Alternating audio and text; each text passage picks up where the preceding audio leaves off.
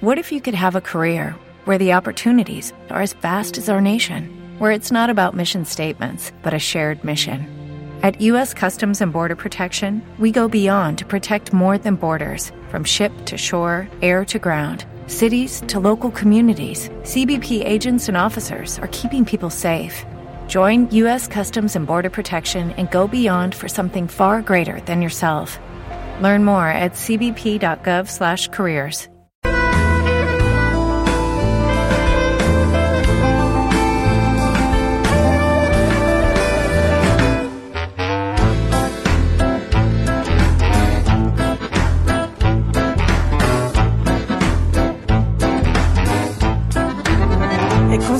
monoteísta Pensar que existe unha só solución É un conceito banal.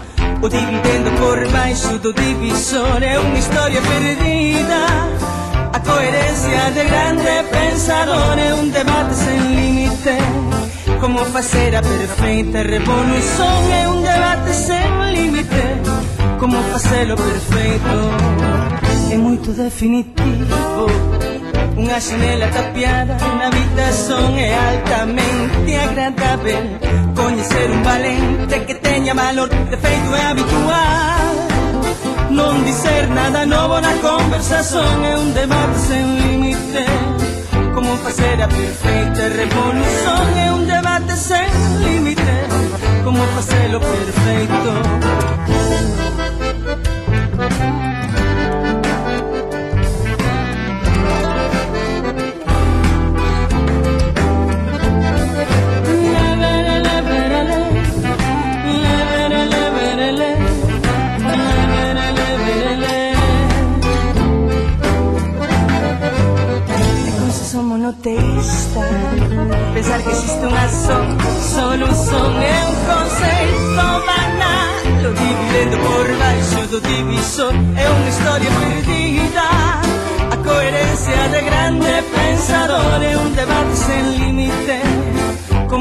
A perfeita Revolución é un debate sen límites Como facelo perfecto. É moito definitivo. Unha xanela tapiada Moi boas noites, queridos ointes, aquí estamos unha noite máis en Quack FM no voso séptimo programa da vida é outra cousa. E bueno, xa que parece que isto do 15M non se para, pois nos tampouco, eh, seguiremos abordando esta temática. Eh, hoxe estamos moi ben acompañados porque dous compañeiros da acampada de Coruña, eh, Cristian Adán e David Blue, estános aquí a acompañar eh, no, no estudio. Moi boas noites, rapaces. Boas noites, que tal? Hola, buenas noches. Eh, tamén temos un compañeiro, a Antonio Ayud, que é un dos creadores da Fundación Lonxanet, unha fundación que se preocupa un pouquiño pola pesca sostenible eh, e, eh, eh, bueno, que se, os, ori, os nosos ointes fiéis recordarán naquel programa que ti supoño que te acordas, non, Antonio, cando te chamamos no programa de consumo responsable todo isto. Sí, Marcos, perfectamente. Perfectamente. Bueno, pois, que rapaces, como andan aí as cousas pola, pola acampada? Como vai iso? Ben, de momento ben, penso que está todo genial, de mi punto de vista. Desde o teu punto de vista, David, ti como ves? Eh, yo ahora mismo creo que estamos en un momento en el cual pues hay que seguir evolucionando, eh, en concreto aquí en Coruña, eh, promocionar lo de los barrios. Mañana hay, hay dos asambleas en Monte Alto y en el Agra del Orzán y creo que es un punto muy interesante para progresar. O sea, que mañá eh, teño entendido que a Campada de Coruña é unha das pioneiras no que se refira a expansión, eh, en concreto expansión aos barrios, eh, xa houve asambleas en Monte Alto, non? Como, como foi eso? Sí, hubo una el viernes pasado, mm, yo no estuve, pero lo que me comentaron los compañeros es que fue un gran éxito, eh, mucho apoyo ciudadano, eh, muy participativo y con ganas de repetir.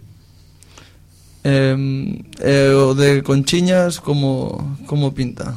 É eh, a primeira ou é a En lo de, eh, sí, la de Conchiñas es la primera y digamos que todavía pinta mejor porque una vez adquirida la experiencia de generar la, pri la primera asamblea de barrios se han detectado los errores que se han cometido y cómo mejorar eh, esta nueva asamblea y promocionarla mejor. Yo vivo en la zona, allí en Las Conchinas, y la calle Barcelona es una zona bastante afluente y te diría que tranquilamente va a haber mucha más gente que en Monte Alto y tranquilo que va a, haber, va a ser mucho mejor que en Monte Alto, seguro. O sea, que temos boa previsión para, para, para este tema da, das asambleas nas Conchiñas. Antonio, que che parece todo isto que están a artellar aquí? Esta xente nova e, e no tan nova que, que está aí na calle todos os días. Bueno, me parece que que ya era hora. ¿eh? ya era hora porque llevamos como, como muchos años, ¿verdad? Pues con, con... Yo no conozco a, a ninguna persona que me diga que está satisfecha ¿no? de, digamos, de, de este sistema, por llamarlo así, ¿no? O sea, pueden estar entretenidos, pueden estar más o menos sonrientes, alegres, ¿no? Pero de ahí a que estén felices y satisfechos como personas, no, ¿no? Entonces, yo creo que estas acampadas es un poco resultado de, de, la, de la, suma de, insatisfacciones, ¿no? De, de, mucha gente, pero que yo creo que está representando a mucha más gente que no puede acampar.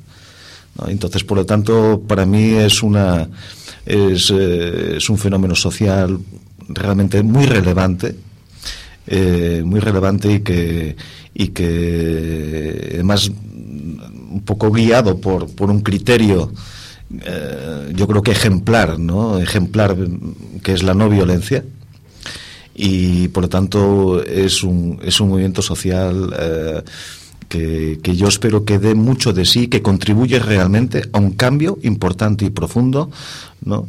Eh, en el resto de la humanidad y que sea para positivo. ¿no? Antonio, aproveitando que, bueno, aparte de ser un dos impulsores de, de esta fundación de pesca sostible, eh, sabemos que, bueno, eres un profesor de antropoloxía na, na Universidade da, da Coruña, eh, aproveitando que tes un, quitas un coñecemento un pouco tes máis analizado o coñecemento do, do ser humano do ser humano, ti cal, cal dirías que un pouco a esencia do, do problema do que está a ocorrer? Bueno, yo creo que es un error si intelectualizamos eh, buscando orígenes anali y analizando, desgranando esto, ¿no? Eso, eso quizás tiene otro contexto, ¿no? Yo creo que aquí lo que tenemos que hacer es, es eh, tratar de, de, de comunicar eh, lo que está ocurriendo y, pero con palabras sencillas, ¿no? Y yo creo que lo que está ocurriendo es básicamente, como decía antes, por una insatisfacción a nivel humano de las personas. Eh, yo creo que el sistema actual no permite realizarnos a los individuos en todo su potencial. Eh, el sistema actual yo creo que nos está deshumanizando. Eh, yo creo que, bueno, estoy convencido de que el sistema actual lo que está convirtiendo a las personas es en individuos aislados que compiten por competir. En, la zanahoria que nos ha puesto el sistema es una es una zanahoria que nos han hecho creer que es lo único que podemos comer realmente y, yo creo que yo resumiría sin andar sin demasiadas profundidades, o sea, para que entienda todo el mundo. O sea, eh, creemos que este mundo puede ser mejor de lo que es y las causas principales por las que no es mejor de lo que es eh, no están en la sociedad civil, que fue, yo creo que la sociedad civil es la víctima de este, de este sistema, eh, sino que están en los actores que están construyendo, que están participando de la construcción de este sistema, que son los políticos, y la economía. El modelo económico, el modelo de negocio que hoy en día nos están imponiendo es un modelo competitivo, es un modelo donde, donde realmente eh, le permiten a, a, los individuos, o sea, ganar hacia el infinito, no hay límite, o sea, la codicia, y, o sea, incentiva la codicia y la ambición sin límites. Y eso obviamente nos hace menos humanos. Vale, nos quedamos con este dato de que os políticos e a economía son os principais actores do problema para seguir ca conversa, pero me gustaría decirle a todos ointes, a todos os nosos ointes que hoxe temos aquí unha experiencia na, na radio que, que creamos unha, unha wiki, unha wiki unha páxina wiki para aqueles que queirades intervir pois podedes entrar en outracousa.wikispace.com e aí encontrarevos unha folla e pulsades. A editar en poderemos eh, eh, poderedes eh, falar e eh, bueno, escribir e eh, eh, aquí no plato veremos e así a, a conversa é eh, moito máis construtiva. Recordamos vos o nome da páxina www.outracousa.wikispace o sea, w k s p a c e s. Veña, pois estás aquí descojonando de riso, Alfonso. Que... Porque te equivocaches. A ver, por Dios tú, listo. Dices W I K I S P A C E S.com. Eso. ¿no? Outra cousa, punto wikispace.com Hai entrades, daslle, dades o botón editar, escribides, daslle, dades o botón save, e nos o vemos, e podemos facer unha conversa, eh, así em, utilizando as tecnoloxías que eu penso que van a ser unha ferramenta fundamental neste proceso neste proceso de cambio. Os que, que vos mm. suxiren isto das tecnoloxías no cambio? Que ya lo han sido. O sea, creo que ahora mismo este movimiento eh, no habría sido posible si no hubiésemos tenido internet, eh, los medios generalistas no hubiesen apoyado en ningún momento eh, este tipo de movilizaciones y digamos que nos ha permitido ponernos en contacto mucha gente que nos desconocíamos los unos a los otros y darnos cuenta de que nuestro malestar era generalizado. Hombre, yo si te digo verdad, no me hizo falta conectarme a internet para saber que alguien estaba protestando por algo. Yo lo he visto por la televisión y dije, pues mira, esa gente ha tenido algo que ver y en cierto modo protestaban por algo y yo, que estaba parado y estoy parado, dije, pues tendré que protestar por algo también yo. Y bajé a la Plaza del Obelisco aquí en La Coruña y me he encontrado con esta gente y dije, pues mira, tendré que acampar con ellos porque por algo tenemos que estar aquí, ¿no? Y por eso estamos todos aquí. Así que yo creo que bajé por eso y en cierto modo también la televisión ha tenido algo que ver, pero no tanto como pienso que debería de tener. Bueno, mm. que vos parece isto que comentaba Actornio dos que principais actores non son tanto a sociedade civil como máis ben veñen de son os políticos e eh, os poderes económicos non sei se incluir os poderes mediáticos ou estes son un intermediario entre intermediario. máis ben intermediarios, e estou totalmente de acordo de que os, os medios de comunicación a vos que vos xuxira isto credes que tamén a ciudadanía ten Yo he tenido que ir a la acampada para darme cuenta de lo que los poderes mediáticos no dicen lo que realmente deben de decir. Y no, no quiero decir nada más. Eh, yo con respecto a esto decir que hablamos de poderes y efectivamente teníamos esa concepción de que había unas personas allí arriba superiores a nosotros que eran las que decidían cómo era el mundo y creo que estábamos engañados, sino que tenemos realmente la capacidad de decidir cómo queremos que sea el mundo. A capacidade, seguro, estou tamén estou convencido de que a temos, pero seremos capaces de, de entendernos para para construir o cambio, cales credes vos que son os ingredientes fundamentais para que este proceso de cambio eh, sexa mellora e non se quede somente en cambio? Rapaces, veña. Yo diría, pues eso, confianza. Poder volver otra vez a confiar las personas los unos en los otros. Era algo que antes del 15M yo no poseía en mi interior, no confiaba en los demás, tenía un pequeño grupo de amigos y el resto de las personas eran como seres extrañas y ajenas a mi vida.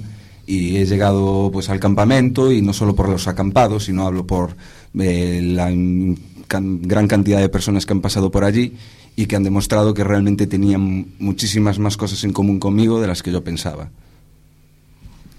Yo en sí he visto, había un libro de firmas de la gente que firmaba cuando pasaba por allí y que estaba en nuestro apoyo y, y yo el segundo día vi el libro de firmas y, me paré a leerlo un minuto y, y vi unas firmas justo que después de que firmó una señora de no sé cuántos años tendría, pero bastantes años, cuando pensé que nos pondría a parir, pues pensé, vamos a ver qué es lo que puso, ¿no? Cómo nos pondría.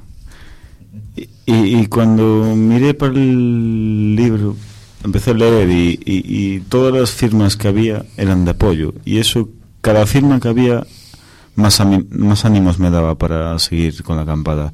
Y sigo ahí, de hecho. Aí seguimos, aí seguimos acampados eh, na, no Belisco Eh, bueno, vamos a se vos parece sabedes que, que esta mañá eh, os compañeros de Santiago decidiron parte deles un levantar o campamento e eh, marchar cara a Xunta a manifestarse ali eh, Alfonso está intentando contactar vía telefónica con un deles. Eh, Entonces, máis que nada, vámonos a chamar pois, para analizar, porque claro, estamos vendo que salen diferentes tipos de accións, diferentes cousas que podemos hacer, podemos seguir eh, salindo á rúa ou podemos plantexarnos outro tipo de cousas. Constame que na acampada de Coruña chegou un correo por aí de que vai salir un boletín ou algo así, vos sabedes algo? No, eu non teño idea.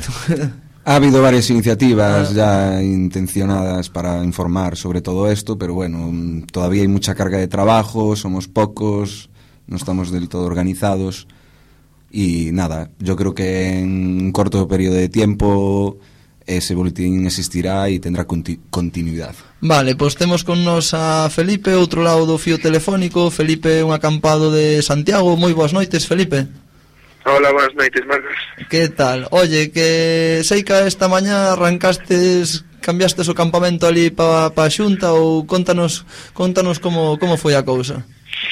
Vale, a ver, eh, sí, é certo, esta mañá fomos uns cantos ali ata a xunta porque resulta que había unha reunión de Consello Galego, non? Estaría aí fe, se, se con os seus conselleiros, non?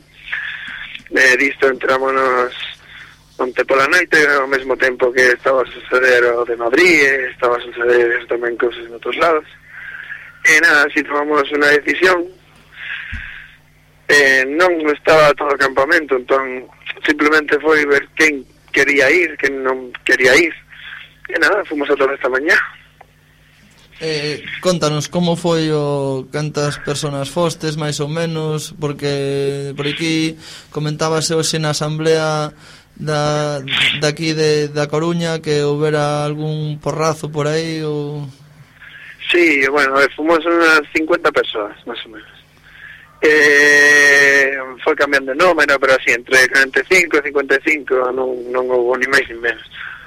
Estuvimos ali moitas horas, a verdade, eh, a cousa é que había varias portas, non? Coñecedes a xunta, non sei se o sabedes, pero bueno, ten varias portas pois que poden entrar, e os coches, Estamos aí pois un pouco para chamar a atención desta xente que despois de tanto tempo non sigue sen escoitarnos. E a cousa foi que íamos sentarnos diante das portas para impedir, molestar un poquinho a saída dos coches que finalmente saían igual, pero bueno.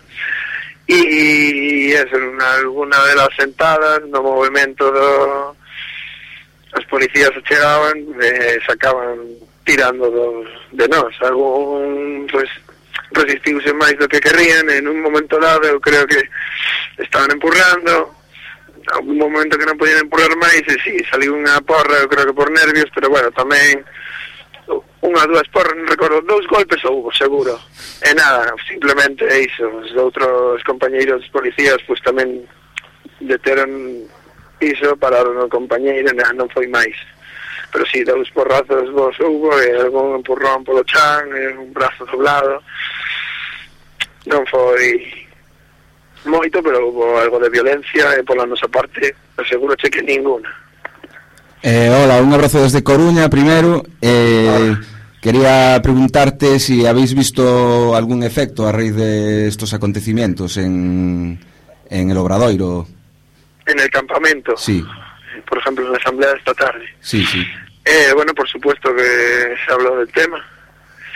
Eh, críticas así duras, digamos, hacia eso. Hubo un, un hombre que sí que nos que no estaba de acuerdo con lo que nos hicimos, pero bueno, en general, eh, tanto la gente que pasaba por allí como luego en la asamblea, no se criticó tanto el hecho de ir allí, sino la rapidez y a lo mejor la poca preparación y esas cosas.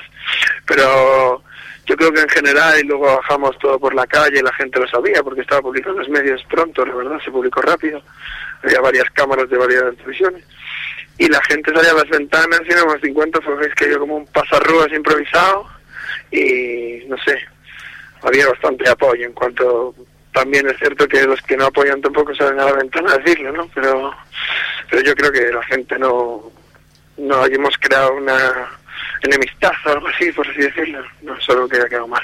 Y al final, bueno, soy Cristian, un abrazo también desde Coruña y al final en el Obradoiro, ¿qué se va a hacer? ¿Se va a levantar? ¿Se va a quedar? ¿Cómo va a hacer? Pois de momento seguimos entre unha decisión, siguen as discusións, hai xente que, que pensa que temos que quedar, outra que temos que marchar, e como todos seguimos argumentando eh, polas dúas partes, a verdade é que os argumentos son bons, eu non teño claro, a verdade, eh, pois non temos ningún tipo de decisión tomada a ese respecto. Supongo que un día, un día tenemos que levantar, pero non sei cando. ¿Y tenéis pensado alguna iniciativa de expansión a barrios o municipios cercanos? ¿O cómo Sí, lleváis a eso? verdade é que temos varias cousas xa para esta semana eh, por exemplo no barrio de San Pedro temos a primeira asamblea este sábado. Eh, bueno, sei tres, catro barrios que iba a haber pero que hicieron con festas. Eh, bueno, cambiamos estas dúas semanas van ser moi importantes nese aspecto porque eh, estamos nos volcar moita xente que estamos noutras comisión na comisión de expansión de extensión. Eh, sí, estamos sobre todo querendo traballar aí que quizáis eh, era un punto feble que tiñamos moi importante Yo estoy acompañando aquí a David y a, y a Cristian. Eh, mira, ¿cómo piensas que se podría, cómo se va a seguir? ¿Cuál es el, el nivel de paciencia, ¿no? Que los campamentos van a estar ahí. Hay una, hay un plan para que no haya un desgaste eh, de los acampados, ¿no? Que no, un plan para que ese desgaste, eh, digamos, no afecte y no se diluya y al final el movimiento no quede en nada. A ver, eh, planes de este tipo siempre hay, claro. Eh, por momentos teníamos cosas como los bancos de tiempo, turnos y esas cosas. Sobre papel teníamos todo eso. A veces no funciona tan bien como debería. Sí que estamos cansados, quizás yo personalmente, pero no desmotivados, que es diferente. eu sigo creyendo que isto pode, pode seguir ben para adelante.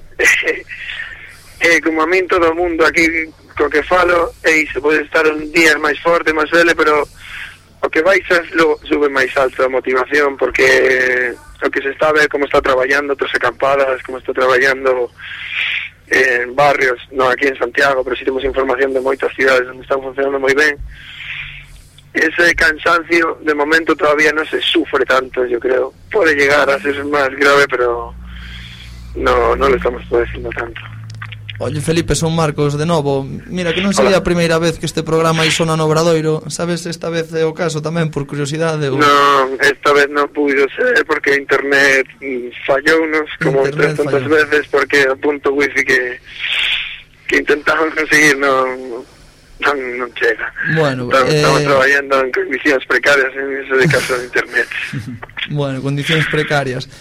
Mm, eu escoitei unha cousa, bueno, eu fui unha das persoas que foi a a, a asamblea que, bueno, asamblea o foro, o foro galego da acampada escou en Vila García, eh, a xente que non o sepa, bueno, ti constame que sí porque tamén estabas ali, foi onde onde nos coñecimos Eh, aí interviu unha, unha persoa de, de Santiago eh, A verdad que me, me gustou bastante o que dixo Referíndose á permanencia das acampadas non?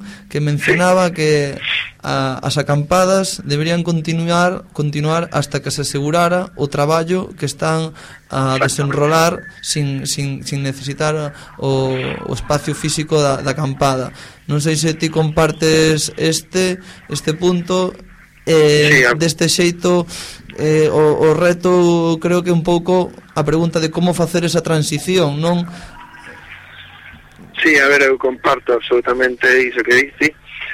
Penso que cada acampada ten que ser moi consciente, son todas diferentes, todos sabemos que cada un traballa de modo, e os avances son diferentes, entón, o chegar a ese punto que dicir estar preparado para sair de aquí é moi importante, non pode sair de aquí de calquera, de calquera maneira. Uh Tens que, que haber unha organización tal para que, e non só nesta acampada, como estamos falando nos barrios, etcétera, para que isto non vaya para baixo. Entón, eu creo, o meu punto de vista, en Santiago ainda non chegamos.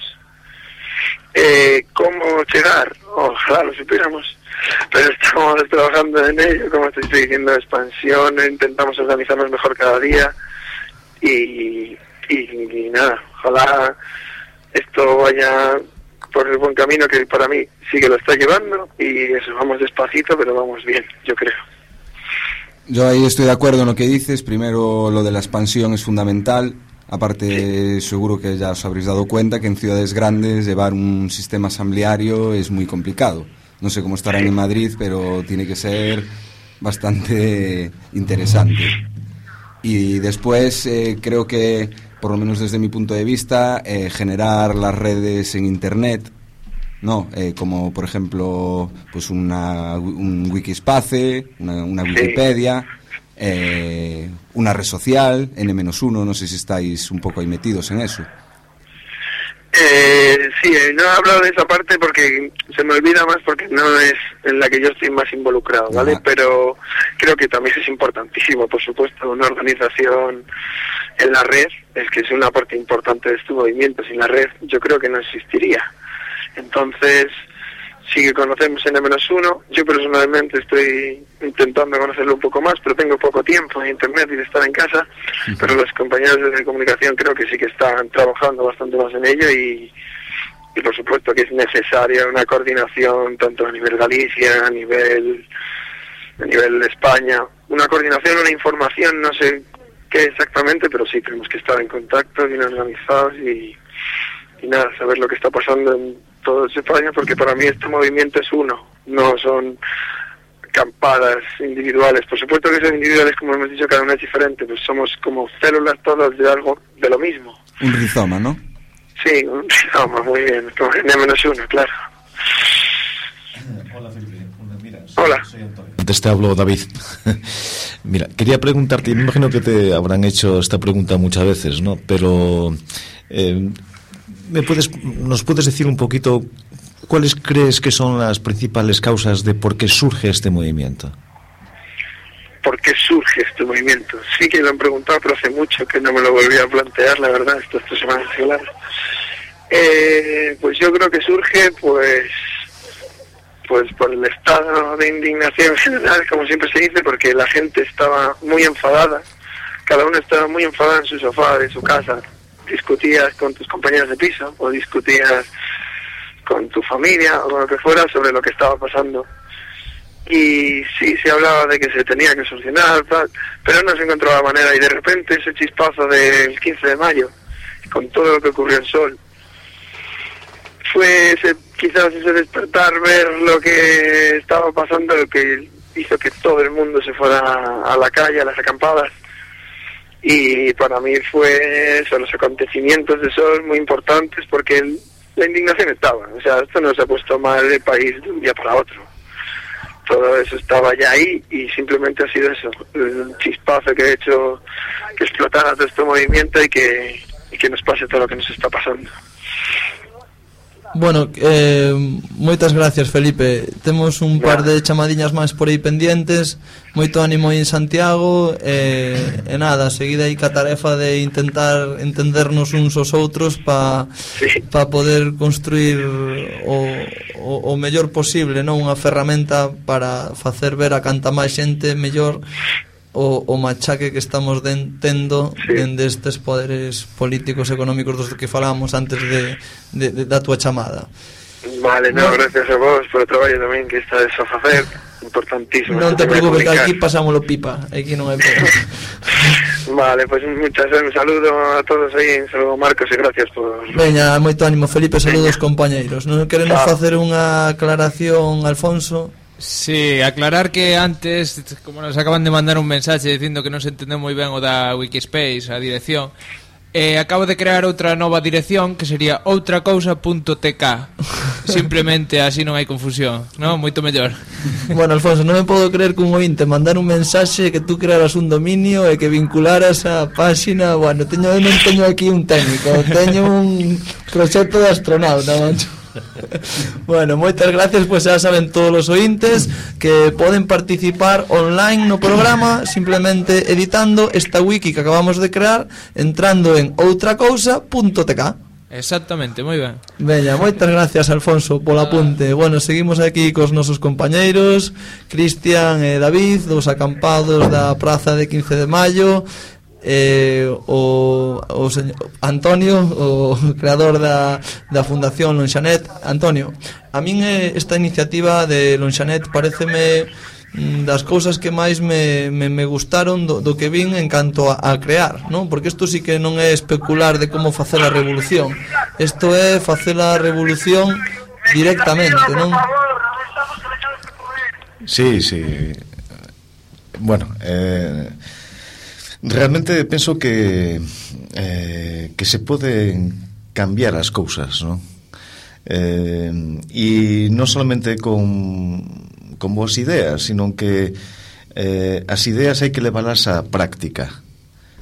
Eh, e entonces penso que a xente a xente ten que perderlle o medo a bueno, pois a, a fracasar, non?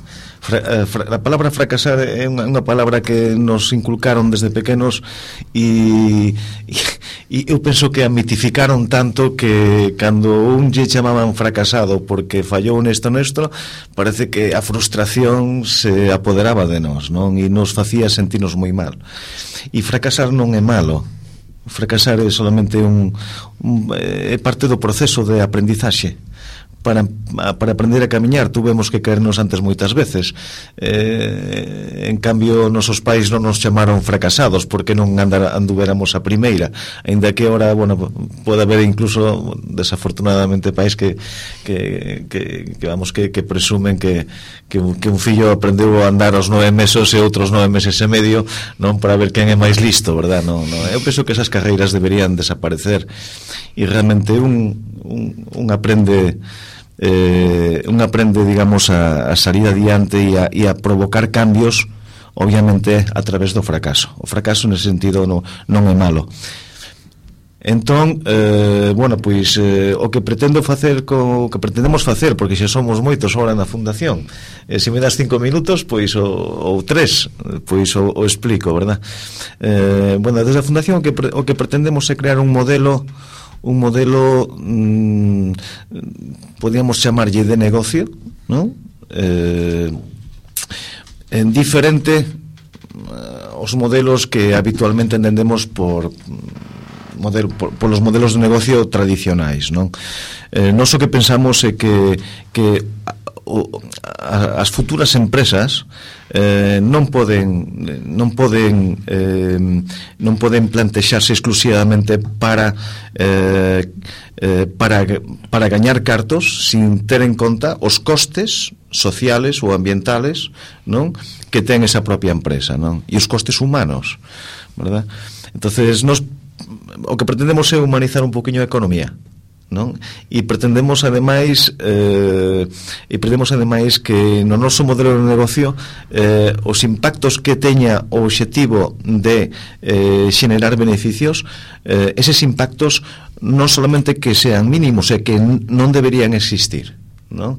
Entonces o que nos intentamos facer é eh, bueno, pois darlle transparencia, por exemplo, a, a un merca, a un mercado de produtos de distribución do, do peixe, marisco, porque porque é un mercado opaco, é un mercado que ao final o, o que digamos o repercute repercute no consumidor final e, e cuestiona a seguridade alimentaria E, e por outro lado, bueno, pois tamén procuramos traballar eh, ca sociedade civil, cos pescadores artesanais eh, non solamente de Galicia, sino tamén de, de Latinoamérica e tamén eh, do norte de África traballar codo con codo con eles, é dicir, acompañando procesos de cambio para a súa mellora.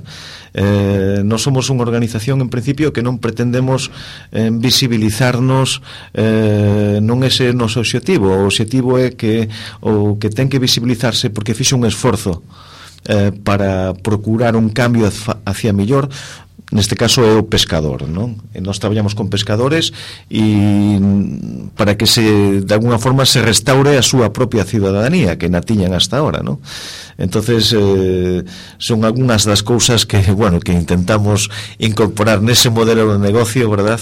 E, e, e con isto procurar, non, construir unha sociedade máis articulada, máis articulada entre todos, entre pescadores, profesores de universidade, eh, eso se pode articular, o sea, non esas, esas diferencias que, que este sistema actual está impondo son diferencias ficticias realmente, ¿no? Entonces nos queremos de, derrumbar esas barreiras para que para que de algún xeito pois esa comunicación entre os diferentes actores, entre frente á sociedade civil, sea unha comunicación máis transparente, máis aberta, máis franca, non? E eu penso que eso ganaríamos incluso en salud. Eh, yo tengo una pregunta, creo que uno de, los puntos más importantes dentro de estas cooperativas eh, es la eliminación de los intermediarios. Así es, eh, lo que nosotros pretendemos es una comercialización directa, es decir, del pescador al consumidor final. Eh, a veces nos resulta fácil, ¿no? digamos que no nos resulta fácil, pero nosotros pensamos en las cadenas, en lo que se dice, en los circuitos cortos y en que los productores primarios, o sea, en este caso los pescadores, realmente tengan la capacidad o creen un canal exclusivo para comerciar sus productos directamente al consumidor final. Se ganan tiempo, se ganan calidad, se ganan precio, ¿no? Y, pero bueno, construir esto, llevamos 11 años con esta experiencia. Eh, hemos tenido nuestros más y nuestros menos, pero seguimos ahí, insistiendo. Y pienso que la constancia de una idea o sea, este movimiento parece que tiene cierta constancia, cierta perseverancia en el tiempo, ¿no? Pues yo pienso que eso es algo muy importante. Nosotros también llevamos 11 años perseverando en intentar consolidar nuestro modelo. No resulta fácil, pero lo que decía antes, no sé si David o, o Cristian, eh, estamos motivados para seguir haciéndolo. Eso es muy importante. Yo principalmente hablabas antes de que tenemos miedo a sentirnos frustrados ante la opinión del resto, ¿no? Yo cuando llegué a la acampada esto, pues hubo un momento en el que dije yo, Buah, y si opino le gustará a la gente, y si opino ten, ¿sabes? Un cierto miedo a lo que le diga la gente, ¿sabes? Lo que a lo mejor le parezca mal o algo por el estilo. Pero en sí en esta acampada se está apoyando lo que es el movimiento horizontal, ¿no? Se está diciendo. Y es que cada uno de ellos y cada uno de los que estamos allí, todos tenemos una cabeza y tenemos una manera de pensar y que cada uno no es o sea, e, es válido para cualquier idea. Y, yo desde un principio he mostrado mis ideas, han ido algunas no, algunas sí, han ido bastante bien. Y desde mi punto de vista ha sido algo que me ha satisfecho bastante. O sea, yo genial. O sea, no eres solamente fuerza de trabajo, sino también que eres una persona que te reconocen, es un ser pensante, ¿verdad? Sí, correcto, ¿Eh? claro. Pues había gente que lo había olvidado, ¿sabes? Vale, perdona de que vos interrumpa, pero acabamos de chamar, acabamos de poner en contacto vía telefónica con Juan Carlos Monedero. Muy buenas noches, Juan Carlos. ¿Cómo estáis, compás? ¿Cómo estáis? Pues por aquí en un programilla de radio intentando frenar un poquillo a los grandes medios de masa que que, bueno, parece que nuestros compañeros, alguno dice, esto de salir a las acampadas me, sirvió para darme cuenta que los medios nos cuentan las cosas como son. Eh, bueno, si me permites presentarte un poco a nuestros, a nuestros oyentes, eh, eres profesor titular de Ciencia Política en la Universidad Complutense de Madrid, entre una cantidad, tengo aquí tu currículum, de internet delante mía que Jesús, Jesús Santo, ¿no? Eh, que, que, que, eh, decidí llamarte a, a, raíz de un vídeo que, tienes en la página de ATAC, que hablabas un poco de lo que había hecho el, un poco el sistema eh, sobre nuestro lenguaje y la manera de, de comunicarnos. Se ha colgado, lo ha asustado, macho. Volvemos a chamar ahora. Volvemos a, chamar, pues nada. perdona. son cousas do directo.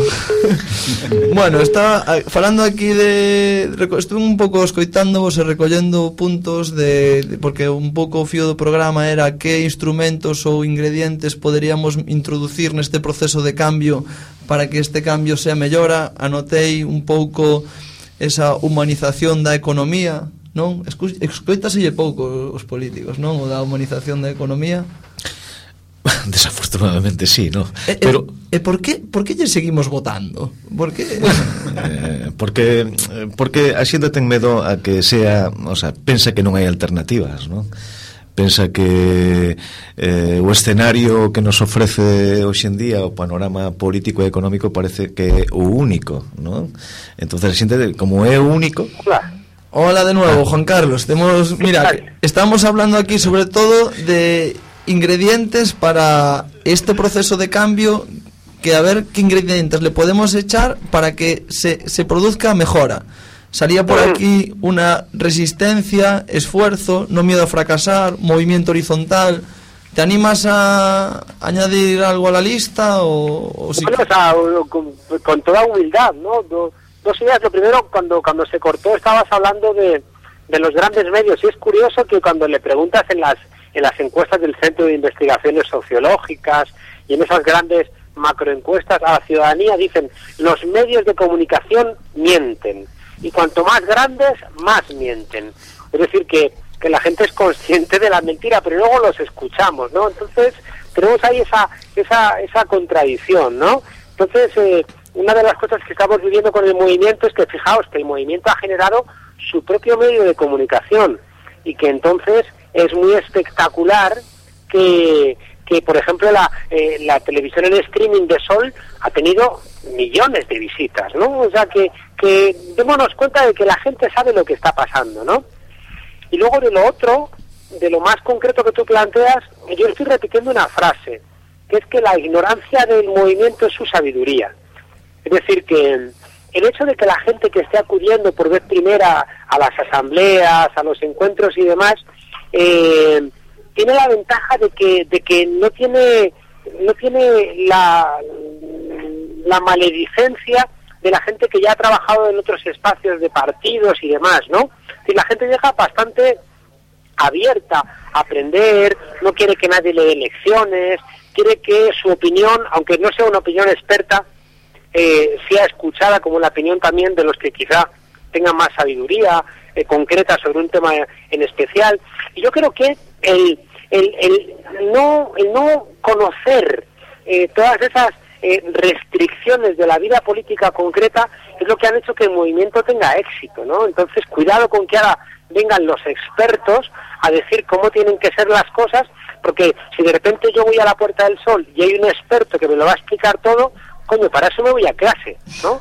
Entonces yo creo que una de las maravillas del movimiento es que todo el mundo va allí y todo el mundo es igual, ¿no? Entonces esa horizontalidad que habéis planteado vosotros creo que es muy importante, ¿no? Es decir, después vendrá un momento de estructuración, en algún momento tendrá que llegar el momento de pensar cuáles son los objetivos, cuál es la mejor estrategia, pero ahora mismo lo que se está articulando es, me estáis diciendo que la única posibilidad de salir del sistema es eh, empobreciendo nuestra vida, empobreciendo nuestra alma, empobreciendo nuestras relaciones, eh, vendiendo nuestra alma al diablo, y no queremos. Entonces, no me digas ahora que tengo que encontrar soluciones, dame tiempo, porque tú has tenido mucho tiempo y no las, no las has encontrado.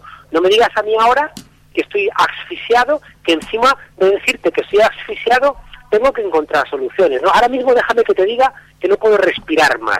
Y me, me encanta encontrarme con más gente que tampoco puede respirar. Y cuando seamos muchos, vamos a decirle a los que tienen el poder, oye, ¿os dais cuenta de que no nos dejáis respirar? Y van a encontrar unas cosas, y vamos a encontrarnos con una cosa que para mí es muy importante. Es decir, cuando el Tribunal Electoral de Madrid dice que es ilegal que estemos en la Puerta del Sol, y pese a eso, hay decenas de miles, decenas de miles que vamos a la Puerta del Sol, ahí lo que estamos diciendo es, me da lo mismo lo que diga tu ley, porque yo tengo una conciencia que me dice que donde tengo que estar es ahora mismo en la Puerta del Sol pidiendo democracia. Y si tú juez, si tú político, si tú banquero, si tú empresario me dices que yo soy un ilegal, pues me quedo con mis ilegales. porque los ilegales que estamos aquí reunidos tenemos una conciencia que vosotros habéis demostrado no tener. Eh, pois moitas gracias por, por estar, bueno, gracias non, alegrámonos de que estés de acordo ne, eh, nos puntos que plantexas e eh, apuntamos ese, ese máis na lista, nada de expertos, por favor, neste movimento que, que están facendo e deixar un pouco estas armas libres que, como podemos comprobar día tras día no campamento, todo mundo aporta, un saben... Claro, de, eh, expertos humildes, necesitamos expertos humildes. Yo, yo en la línea esta de los expertos que, quería decir que, hombre, estamos creando algo nuevo, algo que no ha existido nunca, eso espero por lo menos, y expertos en el futuro no existen, o bueno, por lo menos se llaman rapel o gente de esta que no tiene mucho que decir, la verdad. Oye, ¿me dejáis deciros una cosa más? Por supuesto, estás en tu Mira, casa. Yo, yo, yo estoy de acuerdo con, con el compa que acaba de hablar creo que estamos inventando muchas cosas, pero ¿sabéis también qué estamos haciendo? Estamos recordando cosas que habíamos olvidado. Sí, creo sí. que eso también es muy importante, ¿sabéis? Porque, por ejemplo, yo que, que, que, que he trabajado mucho sobre la transición, hay un relato sobre la transición que olvida cosas que se parecían a cosas que estamos haciendo ahora. ¿eh? Es decir, que en los años eh, 75, 80, hubo una explosión de gente que intentó hacer las cosas de otra manera y que el relato de la transición los olvidó. Entonces, una cosa que estamos viendo en Madrid es gente pues, de mi propia edad o gente más mayor diciendo, vaya, esto, esto que está pasando ahora nos recuerda cosas de hace 20 años, de hace 30 años, ¿no? Entonces, la magia del movimiento es que se está inventando cosas y que está también ayudando a recuperar lo mejor del pasado que nos habíamos olvidado de ello. Yo desde, hola, encantado, soy Cristian y yo creo que en sí se nos, sobresval, no, se nos sobrevalora, pero en la acampada de Coruña en sí hay una gente increíble y con una un potencial puf, increíble desde mi punto Qué de bien, vista. qué alegría. Hola, eh, soy un, bueno, un colega tuyo. Eh, era ¿qué, qué opinas? Porque es una cosa que me está preocupando a mí un poco, ¿no? Eh, aunque no sé si debería preocuparme, pero eh, se, se está trabajando en las estrategias de continuidad eh, y sobre todo, ¿qué, ¿qué impacto está teniendo esto internacional? ¿Sabes algo de eso? Sí, mira, internacional. ¿Sabéis qué pasa? Mira, hay, aquí hay una cosa que estamos viviendo que nos recuerda mucho al, al, al 11M. El 11M eh, hubo un mensaje SMS que decía que había que ir a la puerta del Partido Popular porque estaban diciendo que el atentado de Atocha lo había hecho eh, ETA y sabíamos que había sido Al Qaeda. Entonces existía la posibilidad de que el Partido Popular ganase las elecciones sobre una mentira, como había hecho Bush en Florida, ¿no? Entonces se escribió un mensaje SMS diciendo eh, que había que ir a la sede del PP. Y decenas de miles estaban esperando ese mensaje. Y ese mensaje de repente caló y pensando que íbamos a estar cuatro o cinco, pues, pues había al final 50.000 personas por la noche en Madrid diciendo queremos la verdad antes de votar y también diciendo Zapatero no nos falles, aunque luego nos falle. Bueno, pues ahora creo que ha ocurrido algo similar. Madrid, la Puerta del Sol, de repente se ha convertido en el mensaje coño que se quería escuchar en Santiago, en Barcelona, en Cádiz, en Sevilla. O sea, era el mensaje que lo queríamos escuchar todos. Entonces ha sido Madrid, pero Madrid ha sido la casualidad. Lo podíais haber hecho vosotros allí y nosotros haberlo repetido. Es decir, lo importante era que de repente ese mensaje cuajase y se representase y la gente dijese, esto es lo que yo quiero, ¿no? Decirles que no nos representan, decirles que, mm, que no me digas que entienda que eh, Telefónica puede ganar 10.000 millones de euros y que tiene que despedir al 25% de la plantilla. No me digas que tienen que privatizarse eh, la mitad de Grecia. No me digas que eh, Botín puede venir a la universidad a decirnos cómo tenemos que hacer negocios cuando nos están privatizando la universidad. Entonces, mm, el, ejemplo de Madrid se ha convertido en una cosa espectacular en Grecia. En Grecia está saliendo más gente que en España. Y en cambio el referente está haciendo Madrid. ¿Por qué? Pues, pues porque vivimos también en un mundo mediático y de repente se ha construido la imagen de que en Madrid eh, contra, contra, contravenimos las leyes, contravenimos lo que decían los jueces, los políticos, y salimos y la gente ha dicho Madrid es el referente, pues Madrid es el referente.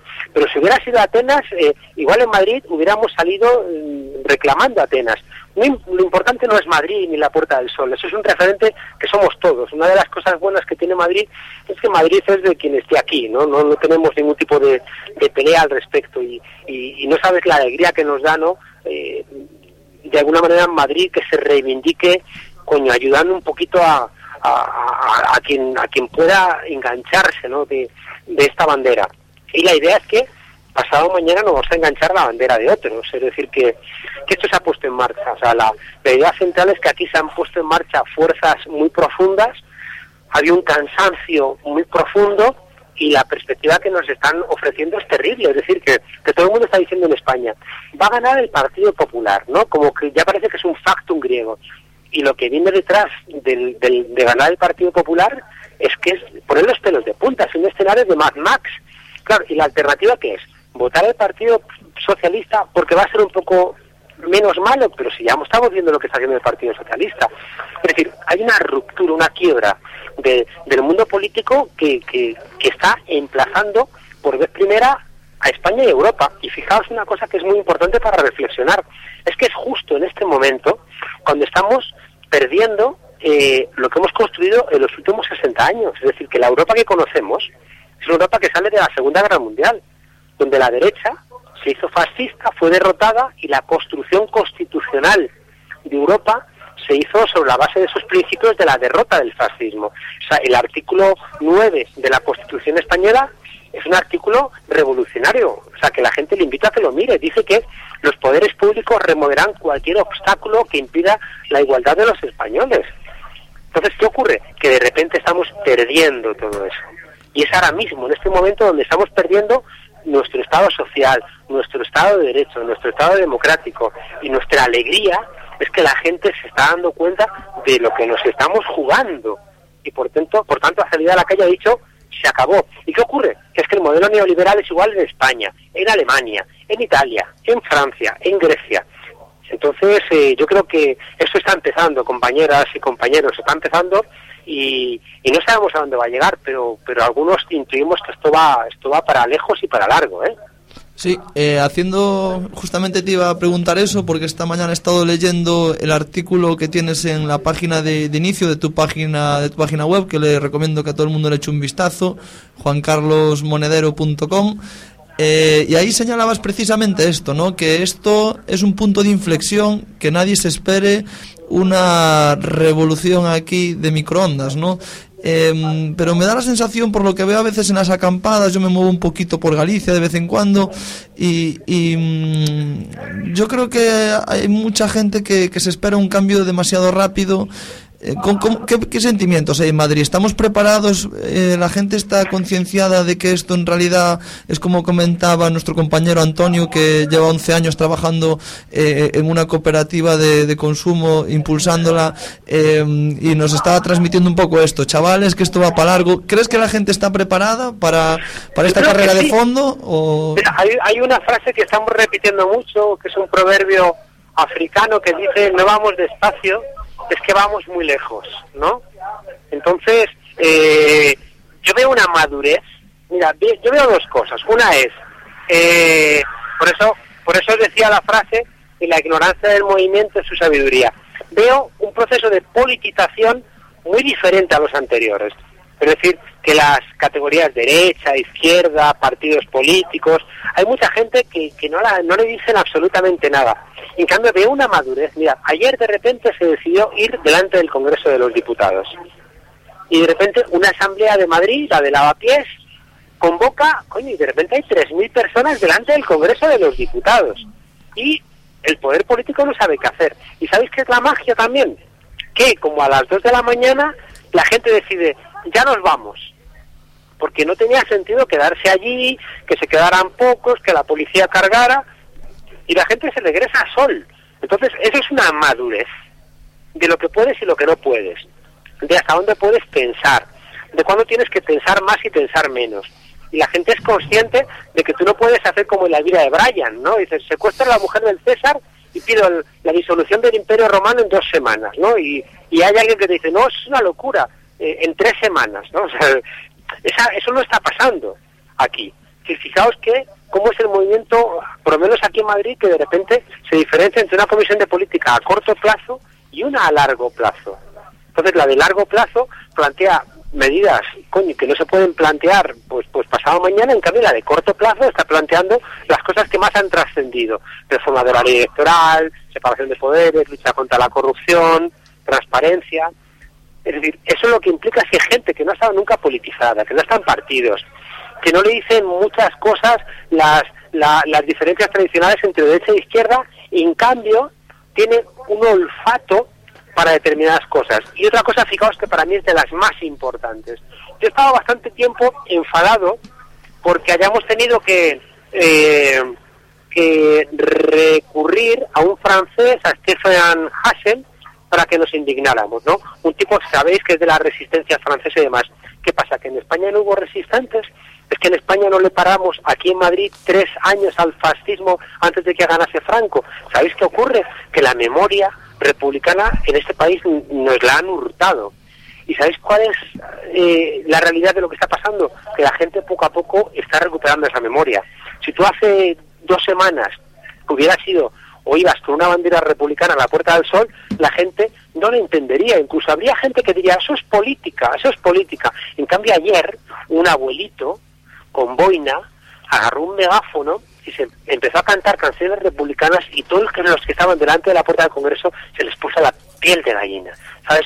Eh, los pelos de punta y la piel de gallina. ¿Por qué? Porque de repente dijeron, y este abuelo que está diciendo lo que estamos diciendo nosotros y nos está hablando de la guerra civil, entonces de repente sabéis gente que nunca había escuchado estas cosas, que le parecían eh, historias antiguas, que lo más que sabía de la guerra, lo que decía Cuéntame o Amor en tiempos revueltos, de repente vio que estaba allí con ellos, a la una de la madrugada, un abuelo sentado en el suelo con una boina que casi con lágrimas en los ojos les dijo, eh, me estáis devolviendo la alegría, porque lo que estáis haciendo aquí es lo que llevo, llevo toda mi vida intentando hacer y no fui capaz, ¿no? Y eso es muy hermoso. Entonces, imaginaos, estamos, eh, con todo esto que está ocurriendo, estamos como volvi- volviendo a trenzar el, el, el- el tapiz, ¿no? De nuestra historia, de lo que podemos hacer y de todo lo que nos espera. Y, y Juan por eso Carlos. es fascinante, sí. Eh, nos queda un minutillo de programa y nuestros oyentes nos han escrito aquí en la página web. Es un auténtico placer y un auténtico lujo eh, tenerte aquí. Eh, intentaremos ponernos en contacto contigo en otra ocasión, que sabemos que tienes una agenda muy apretada. Te mandamos un fuerte abrazo y es que nos come el tiempo y tenemos que... Adelante y contad conmigo para lo que necesitéis. Muchísimas gracias, es un auténtico pelea. placer. Un abrazo muy fuerte. Vale, como nos quedan 40 segundos de programa y hemos puesto esta wiki aquí, voy a escribir rápidamente lo que escribió la gente, un poco que nos escriben aquí nuestros oyentes que se han atrevido a probar este experimento. Compartir, bueno, la pregunta era, eh, cales serían os ingredientes para garantizar que o cambio se, trans, eh, se xa mellora, eh, de, de, din, compartir e vivir. Eh, Acabo de escoitar no programa e non me aguantaba en escribilo Humanización de economía Bueno, Antonio, gustoulles a túa frase Humanización de economía Necesitamos expertos humildes Alguén reitera e rexeitar a tiranía das economías Every day, we rise, challenging ourselves to work for what we believe in. At U.S. Border Patrol, protecting our borders is more than a job, it's a calling. Agents answer the call, working together to keep our country and communities safe. If you are ready for a new mission, join U.S. Border Patrol and go beyond. Learn more at cbp.gov/careers.